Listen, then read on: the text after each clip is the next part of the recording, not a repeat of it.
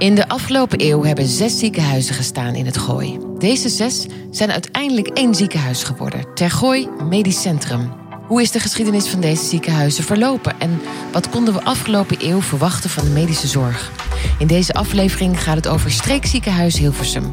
Dat was de officiële naam, maar al snel werd het veranderd in Ziekenhuis Hilversum. De officiële opening van Ziekenhuis Hilversum was in december 1991. De opening werd gedaan door zorguithangbord van de koninklijke familie, prinses Margriet, die ooit zelfverpleging heeft gedaan. In 1991 was het ook het jaar waarin Irak werd aangevallen en de Golfoorlog uitbrak. Allied air forces began an attack on military targets in Iraq and Kuwait. Het was het jaar dat de zanger van Queen, Freddie Mercury, overlijdt aan de gevolgen van AIDS. Who waits forever anyway? En de Sovjet-Unie valt gedeeltelijk uiteen en Boris Yeltsin volgt Gorbachev op als president. Я прекращаю свою деятельность на посту президента СССР. Paul Kingma en Paul de Miliano zijn gepensioneerde artsen. Met de bouw van het nieuwe ziekenhuis in Hilversum vonden zij het belangrijk dat de geschiedenis niet wordt vergeten. Ze hebben beide een lange staat van dienst als arts in Tergooi MC. Ik ben Paul Kingma. Ik ben in 2002 in Gooi Noord begonnen als eh, internist MDL-arts. Eigenlijk alleen bezig gehouden met de maagdarmleverziekte met MDL. Mijn naam is Paul de Miliano, gepensioneerd cardioloog en werkzaam in Tergooi van 1992 tot en met 2021. Wij zijn de makers van deze podcast. Marjolein Dekkers, ik ben de host van deze podcast, en Joris Kreugel. Hij gaat met oud-medewerkers praten op de locatie waar het ziekenhuis staat of ooit stond. En later horen we hem spreken met destijds algemeen directeur Giel Hufmeijer. Het streekziekenhuis, ofwel later Ziekenhuis Hilversum genoemd, is een fusieziekenhuis van het RKZ, Zonnestraal en Diakonessenhuis. Het ziekenhuis kwam op de plek aan de Van Riebeekweg, waar ooit het Diakonessenhuis Hilversum stond. Opening in 1991 ging wel vooraf de verbouwing van dat huis. Want het staat niet alleen op de plek van het oorspronkelijke diakonessenhuis... maar het is ook eigenlijk voor een groot percentage het oorspronkelijke diakonessenhuis... met alleen wat vernieuwing en wat aanbouw. En die vernieuwing en aanbouw die vond plaats in de periode 1988-1991... En in die periode was dus het diakonessenhuis even leeggeruimd. En waren de mensen die werkten in het diakonessenhuis geplaatst in het RKZ en in Zonnestraal. Voor de buitenstaande misschien een rommelige periode. Voor de mensen die tijdelijk uit hun eigen huis moesten. Want zo werd door de diakonessenhuis medewerkers natuurlijk tegen aangekeken. Een emotionele periode ook. Die hadden ook het meest gevoel in 1991 toen dat nieuwe ziekenhuis, streekziekenhuis, werd geopend. Dat ze in hun eigen huis weer terugkwamen. En voor de mensen uit het RKZ was het van, nou, we gaan uit een oud gebouw naar een nieuw gebouw, wat een deel vernieuwd gebouw was. En voor de mensen uit Zonnestraal was het een enorme hindernis. Ja, de- die- en met die hindernis bedoel je zonnestraal. De mensen die werkten in zonnestraal, dat werd echt wel... Dat was een beetje een community. Men wilde eigenlijk helemaal niet weg uit zonnestraal. In de Gooi in de Eemlonder is er natuurlijk uitgebreid eh, verslag van gedaan. Dat heette... eh, de kop was avontuurlijke reis, reis naar de rand van Hilversum. En die verhuizing, dat, eh, dat was toen de tijd, in de, jaren negentig... want er zijn natuurlijk meer ziekenhuizen gefuseerd... er zijn meer patiënten eh, verhuisd. Maar dat gebeurde met verhuiswagens. Een verhuisbedrijf had zich er ook wel enigszins in gespecialiseerd. Maar er werden grote vrachtauto's goed schoongemaakt, denk ik... en ingericht om meerdere bedden tegelijk te kunnen vervoeren... met patiënten erin, de dokter erbij, de verpleegkundige erbij... eventueel apparatuur als dat nodig was. En zo werden de patiënten vanuit Zonnestraal en vanuit de RKZ naar het nieuwe gebouw aan de Van Riebeekweg eh, getransporteerd. Aan de ingang stond de toenmalige directeur, dat was Sherpenat, om iedere patiënt te verwelkomen. En had voor iedere patiënt ook een mok met daarin een klein Biedermeier boeketje. Dat kreeg iedereen aangeboden op het moment dat hij arriveerde in het nieuwe ziekenhuis. Ik vond het hele gebouw wel vriendelijkheid uitstralen. Dat gold ook voor de mensen die er werkten, maar dat had het gebouw had dat ook wel. Ehm, in tegenstelling tot het AMC, waar ik vandaan kwam, want dat was een groot gebouw, zakelijk gebouw. En dat had zeker niet de vriendelijkheid die ziekenhuis Hilversum wel. Ja, waar ik de meeste tijd heb doorgebracht, dus de polykliniek. Het was klein, smalle gangetjes, kleine onderzoekkamers, maar het had wel een zekere gezelligheid. Als je het ziekenhuis door de draaideur binnenkwam en je ging rechtsaf, dan liep je tegen de polyklinische apotheek aan. En dat is op zich wel een, een bijzonder fenomeen hoor, in het ziekenhuis. Want het was een van de eerste ziekenhuizen met een polyklinische apotheek. Dus een apotheek, in principe los van het ziekenhuis als organisatie, maar wel in het ziekenhuis waar je direct uh, medicijnen kon ophalen. Dat is te danken geweest aan Giel Hufmeijer, een van de directeuren van het ziekenhuis in de jaren 90. De ziekenhuisapotheek was er voor de klinische patiënten en de polyapotheek was er voor de polyklinische patiënten. Bij de opening van ziekenhuis Hilversum werd ook de Wesselzaal in gebruik genomen. Deze werd ingericht met de financiële steun van de Isaac Wessel Stichting. Isaac Wessel was de directeur van het voormalig diakonessenhuis in Hilversum. Dat orgel in de Wesselzaal, dat is denk ik een reliquie van kapel van het diakonessenhuis. Zoals dat als zodanig functioneerde tot 1988. Maar vanaf de opening van die ruimte in december 91 heette het dus Wesselzaal. De multifunctionele ruimte. Had je dat orgel daarin staan.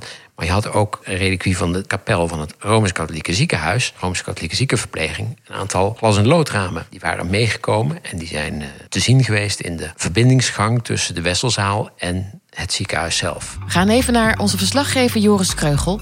Hij spreekt met de voormalig algemeen directeur Giel Hufmeijer. Het is lang geleden, Hilversum. Het is zeker lang geleden, ja. Ik moet weer even ja, toch een beetje graven in je geheugen. Maar uh, het was een hele leuke tijd. Dus uh, ja, dat is ook weer makkelijk op te halen. Ja, welke periode spreken we dan? 90, 91, 2001. En het was best wel een roerige tijd hè, als het gaat om het ziekenhuis in Hilversum. Het ziekenhuis in Hilversum was eigenlijk toen ik kwam gefuseerd. En waren bezig met de vernieuwbouw op de locatie van het Diak ziekenhuis. ziekenhuis in Hilversum. Van Riebeekweg. Waar nu uh, het nieuwe ziekenhuis van Tergooi ook weer uh, komt. Tenminste, een beetje opgeschoven. En daar, in die periode, kom je binnen... waarbij er dan heel veel moet gebeuren een hele korte tijd. Want de oplevering vond over...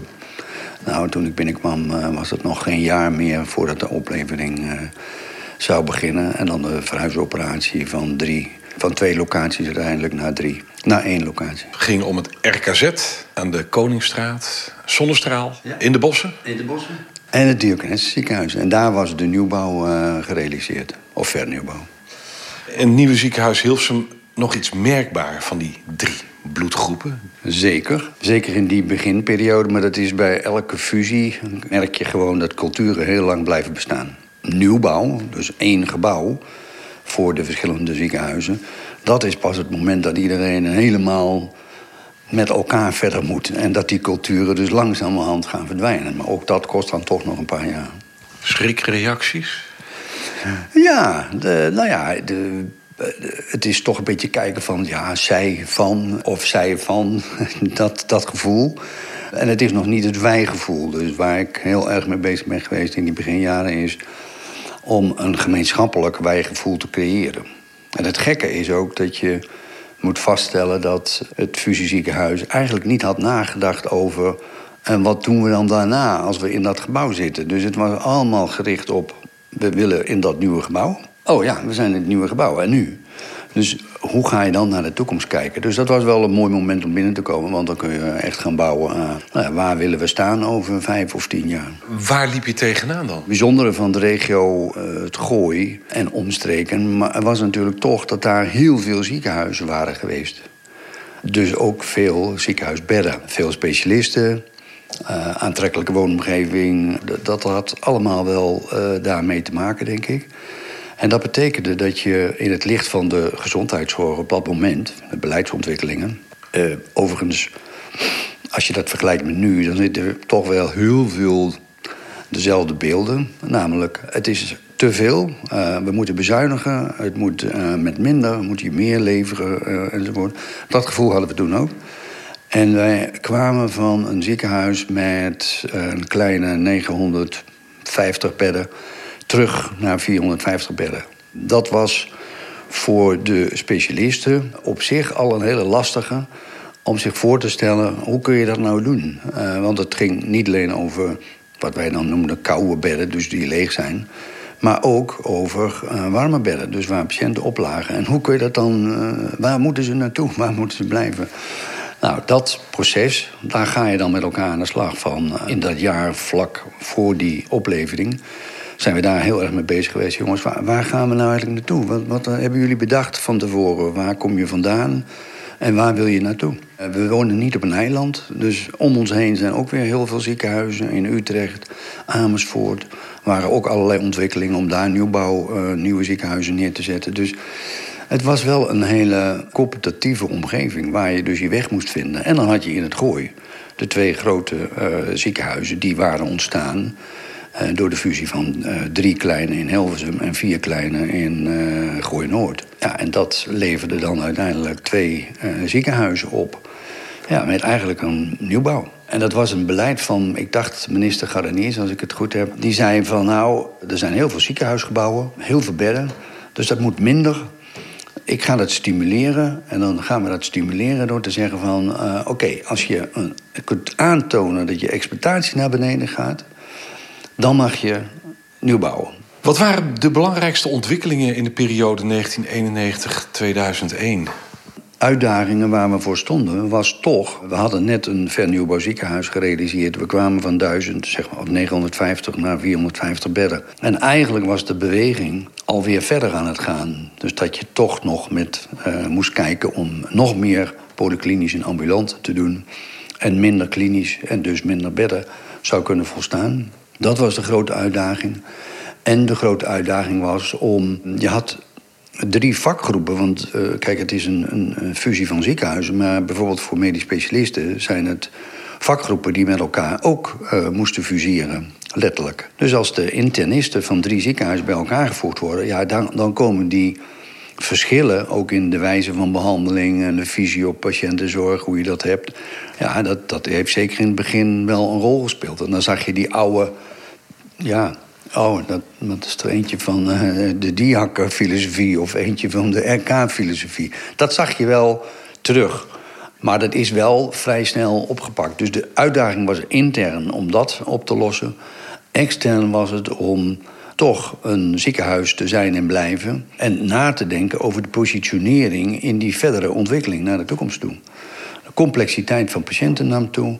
Kijkend naar de ontwikkelingen van de investeringen, de, de medisch-technische mogelijkheden, ja, ik wil niet zeggen onbetaalbaar, maar die, die werden vrij prijzig om dat allemaal te kunnen doen. Dus je moest ook echt nadenken, wat doen wij dan wel? Waar zijn wij goed in? En willen we daarin goed zijn, dan moeten we ook daarin meer investeren dan in een ander vak. En dan ga je ook kijken, ja, wat doen wij? En nog geen 10, 15 kilometer verderop, wat doet het andere ziekenhuis?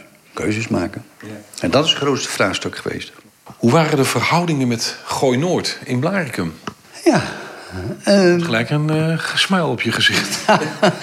ja, nou ja, dat heeft mij toch wel ook die jaren lang bezig gehouden. Dat is als je gaat kijken, dan zat daar toch een zekere rivaliteit. Zij kregen het nieuwe ziekenhuis, wij hadden het uh, vernieuwde ziekenhuis. De, en die twee, dat waren de twee ziekenhuizen in het gooien. Dus daar ging het ook om, hoe gaan wij met elkaar om? En toch waren er ook uh, veel specialisten.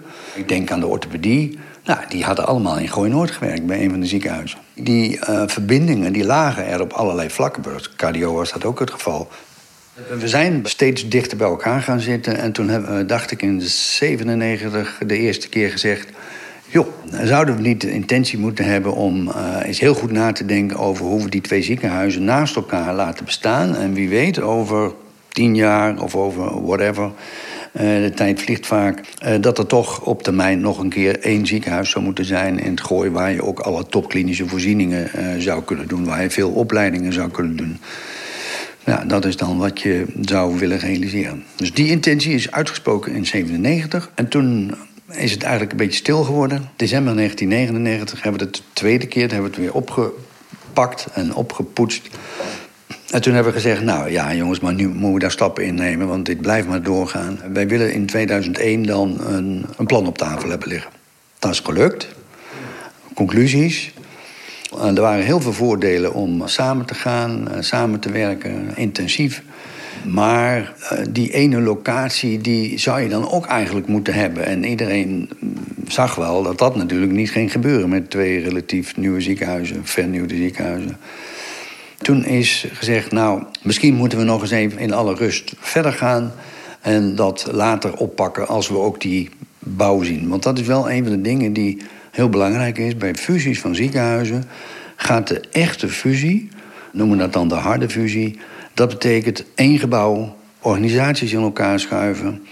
Dat levert de meeste voordelen op. Maar als je dat niet hebt en je blijft bestaan op twee locaties, dan blijven die culturen ook gewoon bestaan. En, en, nieuwe ontwikkelingen proberen op te pakken. Maar dat deden we ook met het landgoed eh, voor zorg en gezondheid. De zonnestraal hebben we geprobeerd een nieuwe vormen. Uh, dat speelde toen met privéklinieken, was allemaal uh, een ontwikkeling. Dat hebben we geprobeerd daar neer te zetten. En daar was het een van de eerste zorghotels van Nederland. Hebben we daar gerealiseerd in, op Zonnestraal. Wat was leuk in ziekenhuis Hilversum? Ja, de mensen. Het gemeenschappelijk achter dingen gaan staan. En als er dan eenmaal een visie was ontwikkeld... om het dan ook gewoon met elkaar te gaan doen. Wat was minder leuk? Het gevoel wat er in het begin al was van... Uh, we zijn al goed, uh, want we zitten in het ziekenhuis Hilversum. Dat je daar uh, van terugkwam en zei van... nee, maar we moeten nu echt gewoon laten zien wat we doen naar de cliënt toe. En eind jaren negentig, er wordt dus weer over de fusie gesproken. Uh, nog geen tien jaar na eerdere fusietrajecten.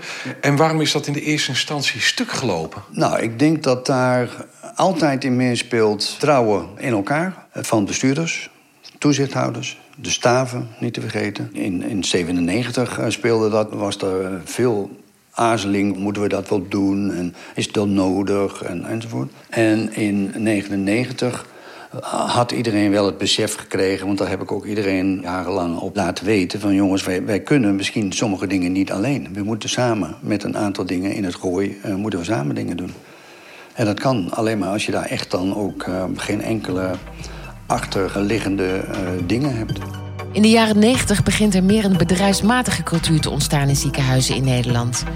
Er was nog geen raad van bestuur, maar er werd nog over een directie gesproken. Als je dan in de luifel dat blad van het ziekenhuis, als je daarin terugleest, dan kom je op een goed moment toch termen tegen als mission statement dagen. En dat resulteert in een servicecampagne. Ja, daar was de toenmalige directeur best wel trots op. Hij had zijn motieven, maar hij, om dat te doen.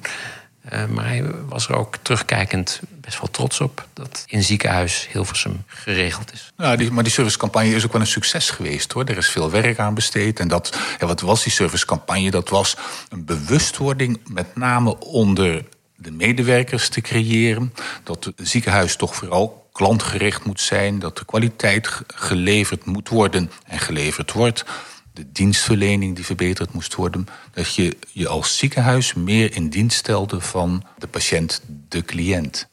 Dat is wel eens anders geweest natuurlijk. Ik weet zeker dat Hufmeijer, als hij daarop terugkijkt... Is dat was die servicecampagne een van zijn grote wapenfeiten. Je kunt er veel over vinden, maar feit is wel...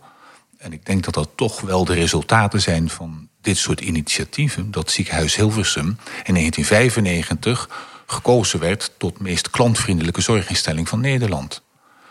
En nog een groot aantal jaren later, dat was in 2005, toen waren de ranglijstjes erg in. In Elsevier, Algemeen Dagblad, uh, waarin de kwaliteit van de ziekenhuizen uh, in maat en getal werd uitgedrukt. Maar in 2005 scoorde heel, ziekenhuis Hilversum een tweede plaats in die Elsevier-ranglijst van beste ziekenhuizen van Nederland. De ambities waren dus groot, wat zich ook vertaalde in de samenstelling van het nieuwe bestuur. Dus er komt nu die, die hogere ambitie vertaalde zich misschien ook wel in de aanstelling in 2003 van uh, Claudia Zuiderwijk als nieuwe algemene uh, directeur. Zij zegt dan uh, in de Luifel, het personeelsblad, dat ze gekozen heeft voor een ziekenhuis met schwung. Dat beviel, denk ik, de medewerkers van het ziekenhuis wel. Ze vonden zelf ook wel dat ze uh, hadden. Die schwung die wordt dan ook in de bedrijfsvoering echt wel uh, in de praktijk gebracht. In 2004 moeten we dan jaarplannen gaan maken. Uh, het is onderdeel van een nieuwe en een meer resultaatgerichte besturing van het ziekenhuis termen die wij natuurlijk allemaal nog niet kenden. En het ziekenhuis wordt ook naar buiten toe beleden.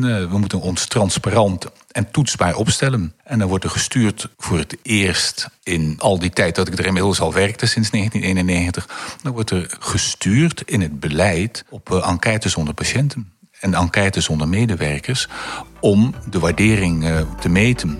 Het leiderschap van directeur Claudia Zuiderwijk bracht ook de nodige frivoliteit binnen het ziekenhuis. Zo organiseerde zij van alles. Ja, met de modeshow die ze organiseerde.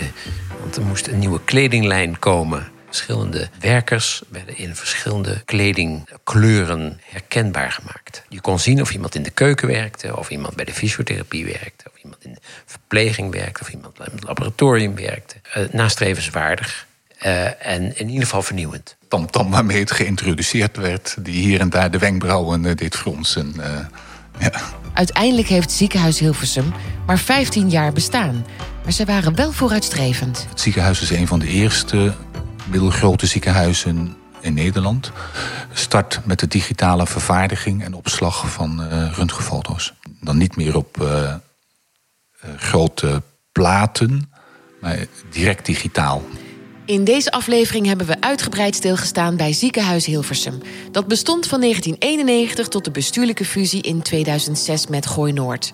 Na 2006 zijn de specialismen van de twee ziekenhuizen verdeeld over de beide locaties. De eerste hulp bleef bestaan op de beide plekken. En dat laatste bleek geen eenvoudige opgave, maar is wel gelukt. 32 jaar nadat streekziekenhuis Hilversum geopend werd aan de Van Riebeekweg, is het nieuwe gebouw Ter Gooi MC geopend in mei 2023. Van zes naar twee naar één ziekenhuis in het Gooi. Ja, en als ik terugkijk naar de, periode ziekenhuis Hilversum, dus tot 2006, uh, ik vond het wel een spannende periode hoor. En met name 1991 tot 2006 is een intensieve periode geweest. Want het ziekenhuis was eigenlijk nog maar net een fusieziekenhuis in 1991. Tien jaar later wordt er alweer volop gesproken over een nieuwe fusie met, met Gooi Noord. Dat heeft ook wel veel, dat heeft ook veel emoties met zich meegebracht. Deze podcast werd mogelijk gemaakt dankzij financiële bijdrage van de medische staf Tergooi MC, Stichting Vrienden van Tergooi en de Dr. Isaac Wessel Stichting. Met speciale dank aan Giel Hufmeijer en Philip Kaan.